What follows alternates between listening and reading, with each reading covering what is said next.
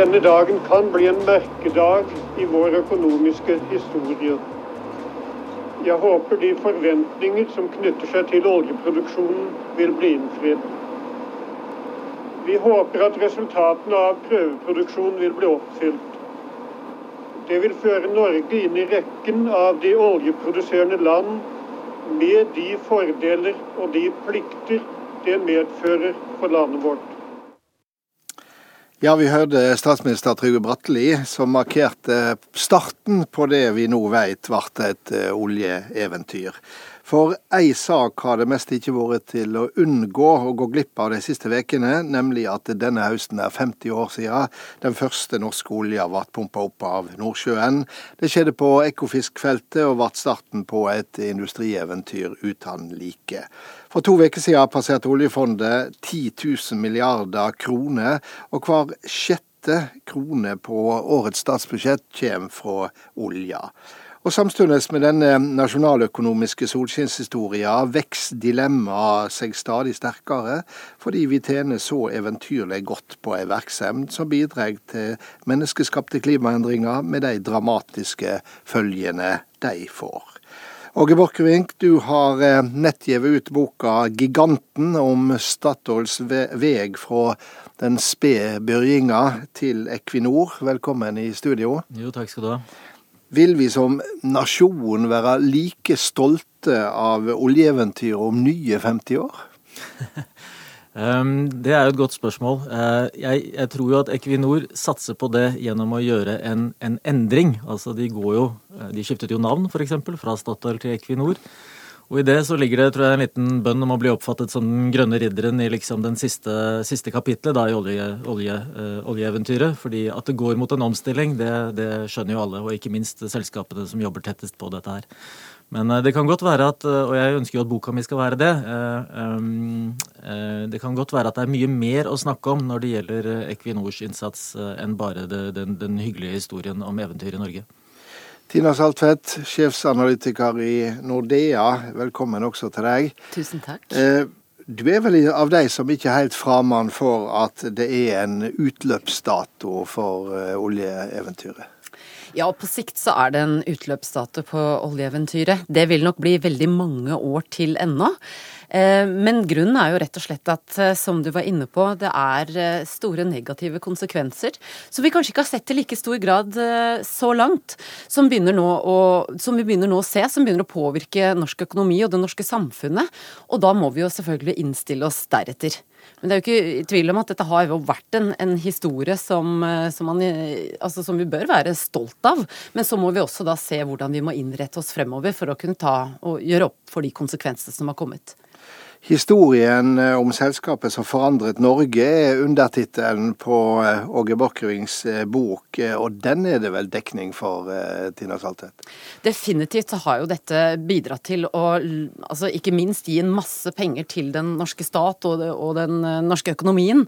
Det har jo løftet levestandarden her i Norge, det har gitt masse arbeidsplasser. Og det må vi også ta med oss, den kunnskapen, erfaringen som vi har fra norsk olje- og gassproduksjon, teknologien. ikke ikke minst, vi er jo verdensledende på eh, havbunnsteknologi. Ta med oss den og bruke den til å skape nye næringer. Så det er jo mye spennende vi har vært igjennom, men det bidrar jo og kan også legge, legges til grunn for en ny vekst i nye næringer. Attende til Statoil, som har ditt eh, utgangspunkt eh, for boka. Et lite og nystarta og uerfarent norsk oljeselskap mot profesjonelle amerikanske giganter. Ja, det var, det var utgangspunktet. Og eh, 50 år etter så kan det være verdt å tenke på hvordan det så ut den gangen. For det var ikke gitt at det skulle gå slik det, slik det ble. Eh, Statoil ble jo en kjempesuksess i Norge og, og lykkes med å dra i gang en, en, en, en stor og levedyktig leverandørindustri. Og hvis du går til den andre siden av Nordsjøen, altså Storbritannia og Skottland, så er de ganske misunnelige på mange ting som har skjedd i Norge. Og de trekker gjerne fram Statoils rolle som eh, lokomotiv i hele den prosessen som gjør at vi har industri mange steder langs kysten, og en stor verdiskapning og en stor spredning av disse verdiene. Så det er en, det er en veldig spennende historie som jeg syns det er veldig mye å lære av i dag.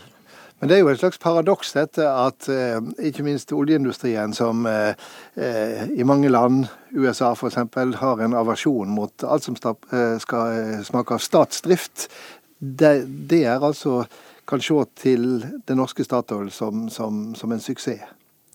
Ja, så jeg tenker Det har jo vært diskutert flere ganger her i Norge også. I hvilken grad skal eh, staten fortsette å eie eh, da nå Equinor? Mm. Eh, også litt fordi at vi ser jo at eh, Equinor og tidligere Statoil da, har jo hatt posisjoner også ute, altså man har eh, produsert olje og gass ute.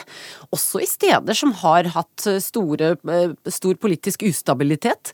Om da faktisk den norske befolkningen indirekte skal engasjere seg i land som da har politiske regimer som ikke er i tråd med våre egne. Så det har jo vært mye snakk om hvor lenge faktisk dette eierskapet skal vare. Og da spesielt nå etter hvert som vi ser at produksjonen på norsk sokkel har jo falt. Den har jo nesten halvert seg siden toppen i 2000 2001, hvor lenge vi skal være med eh, som eier på, på denne i dette selskapet. Verdens kanskje mest vellykkede nasjonale oljeselskap, skrev eh, du, Åge Bakkerving. Var det flaks, eller var det strategi? Det er veldig vanskelig å komme utenom flaks når du skal snakke om oljen og Norge. Eh, det er klart. Men, men jeg mener at Flaks må også tas vare på? Ja, den må absolutt tas vare på. og Historien om de første, særlig kanskje 20 årene eh, til Statoil, er en, er en historie om, om eh, entreprenørskap som var svært vellykket. Men det er også en historie om noe av det eh, Saltvedt var inne på her. Om at eh, det kom et tidspunkt på 80-tallet hvor eh, eh, særlig Høyre, partiet Høyre så at Statoil fikk en for dominerende plass i norsk industri. De sto for 60% av investeringene eller noe sånt på et tidspunkt. Og tok og reduserte Statoils eiendeler og kuttet det litt ned. Vingeklippet det, som det het på den tiden. På en, på en, veldig ansvarlig måte. Og det er liksom den type ting. Både altså å tenke på um, Statoil som industrilokomotiv og um, statens ansvar for å holde uh, dette selskapet i ørene. Begge de to erfaringene fra henholdsvis 70- og 80-tallet, som er assosiert med eh, Arbeiderpartiet og Høyre, de kan være godt å tenke på akkurat nå. fordi, eh, bare veldig kort, jeg, jeg, skriver veldig mye om utlandet. Jeg syns jo det er kanskje den mest spennende delen av hele fortellingen om Equinor. Og det er den som jeg føler er minst fokusert på i Norge. Og de poengene som Saltvedt eh, eh, dro opp her, de, de, er jeg veldig mye innpå. Jeg syns det har vært en tendens til at det som har skjedd ute, ikke har skapt noe som helst politisk debatt. Eh, og eh, burde langt mer vært gjennomgått kritisk både av, av politikere og media.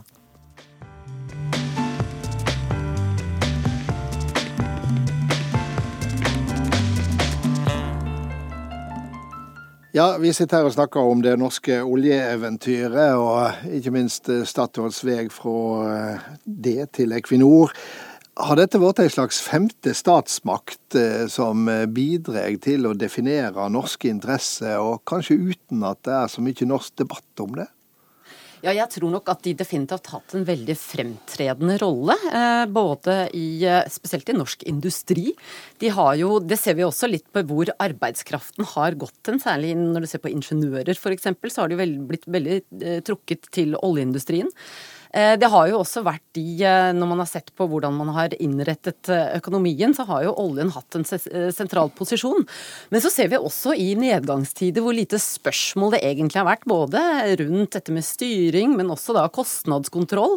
Senest i 2014 så er det jo Altså det har jo vært mye diskutert om at, at det burde kanskje vært mye større konkurranse på norsk sokkel. At kanskje ikke Statoil eller nå Equinor skulle hatt den dominerende stillingen. At det ville bidra til å redusere den kraftige kostnadsoppgangen, og kanskje gjort dette fallet noe mindre enn det det var. Ja, for vi har jo ikke diskutert så mye dette, til tross for at det har dominert eh, kanskje den, den offentlige samtalen, og vi hele tida bruker oljenæringa som en referanse, eh, Åge Bakkevig? Jeg tror det er riktig at vi har et litt sånn fatalistisk syn på det som skjer i oljen. Og jeg, jeg prøver å fortelle den historien. Så er det alltid vanskelig å utfordre noe som gir oss så enorme inntekter? Det er klart. det er klart. Altså Norsk olje og gass de hadde en sånn tweet i sist statsbudsjett hvor det bare sto 286 uh, milliarder kroner. det var ikke noe mer. Men, eh, men eh, nei, jeg, jeg, prøver å fortelle litt om denne historien, hvordan Statoil på 90-tallet, eh, i noen sånne interne dokumenter jeg, jeg, jeg, bruker der, sier at vi er for store for vårt eget beste. Vi, vi, må ikke være så synlige, vi må trekke oss mer tilbake og heller prøve å sette premissene for debatten. Og som en sånn stor ubåt så går hele selskapet litt uh, under overflaten og, og prøver å, å, å, å, liksom ramme inn da, hva vi snakker om når vi snakker om olje. Og ta vekk de vanskelige spørsmålene. Og den strategien har lykkes veldig stor grad, også fordi den er veldig bekvem for våre politikere. I gamle dager så måtte uh, olje- og energiministeren stå til ansvar og være, stå skolerett i, i, i Stortinget når det var en eller annen overskridelse. Nå eh, så slipper, slipper, han det, og selskapet kan til gjengjeld gjøre hva, hva, det vil. Og Dermed får vi ikke den debatten som vi hadde i gamle dager, hvor det var digre overskrifter og masse leven rundt eh, forskjellige skandaler på sokkel. Og så eh, representerer jo inntektene fra oljenæringa helt enorme summer. 10 000 milliarder eh, passerte eh, det vi kaller populært for oljefondet her for to uker siden. Det er en utrolig milepæl. Det, er helt enestående at vi som nasjon har opparbeidet en slik formue, sa Yngve Slyngstad som leder oljefondet. Forstår vi hvor viktig eh, dette er, Tina Saltvedt? Er det mulig å begripe sånne tall? Nei, de er så store at jeg tror det er vanskelig å sette det i perspektiv til eh, oss vanlige folk, egentlig. Men vi ser det kanskje litt. Se f.eks. under finanskrisen, under oljekrisen, så krasja det ikke i norsk økonomi likevel. Og årsaken til det var jo nettopp at vi har klart å spare disse pengene, sette de på bok, og så kan vi bruke litt ekstra i de tidene som vi har eh, økonomiske utfordringer. Hvis vi sammenligner Norge med nabolandene, så ser vi at vi har hatt mye større problemer i Sverige, Danmark, i eh, Sør-Europa under finanskrisen, mens Norge kjente det ikke i veldig stor grad. Nettopp fordi at vi skal bruke oljefondet eh, nettopp til å kunne ha en mer stabil eh, norsk økonomi. Og denne måten å forvalte det på, det er det mange som har sett opp til Norge på. Du, du nevnte eh, nabolandene. Eh, er det mulig å forestille seg hva som ville skjedd med Norge hvis en ikke hadde gjort eh, dette lukkekastet med å finne olje for 50 eh, år siden. Det er, eh, altså Nå er jo både Sverige og Danmark svært forskjellige egentlig når vi ser på, det, på, økonomien i begge disse landene. Men de har jo overlevd, de også. De har overlevd, og jeg tror jo at vi hadde klart å finne andre ting. Vi har jo, vi er et land med store naturressurser.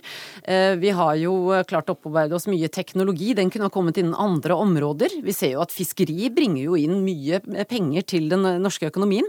Så jeg har nok troen på at vi fremdeles eh, ville vært et godt land å leve i. Men den økonomiske utviklingen ville nok neppe gått like fort. Eh, nettopp fordi at olje har brakt veldig mye eh, penger inn til statskassen. Og vi ville nok neppe hatt et oljefond å lene oss på. Så økonomien ville kanskje svinget litt mer med våre naboland og resten av Europa. Når du eh, nå har jobba mye med Statoils vei i alle disse åra, Åge Borchgrevink. Er du sammen med, med oljefondlederen som sier at vi bør ta to innpust og tenke over hvor heldige vi har vært? Eh, det kan absolutt være noe i, men jeg, det er også riktig at vi har vært litt flinke, da, vil jeg virkelig si. Fordi denne her konverteringen av olje til kapital, som på en måte ble kronet med disse 10 000 milliardene, gjør jo at vi nå lever allerede litt etter oljen. Så uh, i nedgangstiden som står foran oss, så har vi hele den eh, tryggheten eh, som gjør at vi nærmest er pakket inn i vatt, altså, slik vi så eh, i, i, finanskrisen. Ja. Det er selvsagt også en farlig situasjon, men eh, eh, og hvis vi går tilbake til Bratli, som du hadde her på begynnelsen, så var jo han litt eh, nervøs til hvordan dette skulle gå, virket det som, og, og la vekt på pliktene. Og Det kan jo være et interessant ting å tenke på. Hvilke plikter som Bratli snakket om da for 50 år siden, har vi i dag? Men han fikk, han fikk, i hvert fall definitivt rett i at det var en merkedag i norsk økonomisk historie. Han tok ikke feil der. Hva går veien eh, videre? I ei like fersk som omfattende analyse fra Det internasjonale energibyrået IA anslår en at de neste 20 årene vil bli investert svimlende 1000 milliarder dollar i havvindutbygginger, spesielt her i Europa og, og, og i Kina. Er det igjen Norge og oljebransjen som kan bli vinnere, av Tina Saltvedt? Ja, det kan de bli. Eh, hvis man nå bruker teknologi, eh, kunnskap, på rett måte, overfører dette til de nye næringene. Og da er jo selvfølgelig flytende vindkraft veldig, en veldig, veldig god mulighet her. Eh, for Norge til å bygge opp nettopp de næringene på samme måte som vi gjorde med, med oljen. Det er superspennende. For vi må jo innse at eh, etter hvert så vil oljen begynne å avta. Inntektene fra oljen vil begynne å avta. Og da kan vi ikke lene oss altfor mye tilbake. Vi må være med på den muligheten som ligger der nå. Ikke om 20 år, ikke om 10 år, men den ligger der nå. Eh, og Derfor så krever det en omstilling også nå. Men den kan vi klare, og ved hjelp av oljeindustrien og det vi har lært derfra.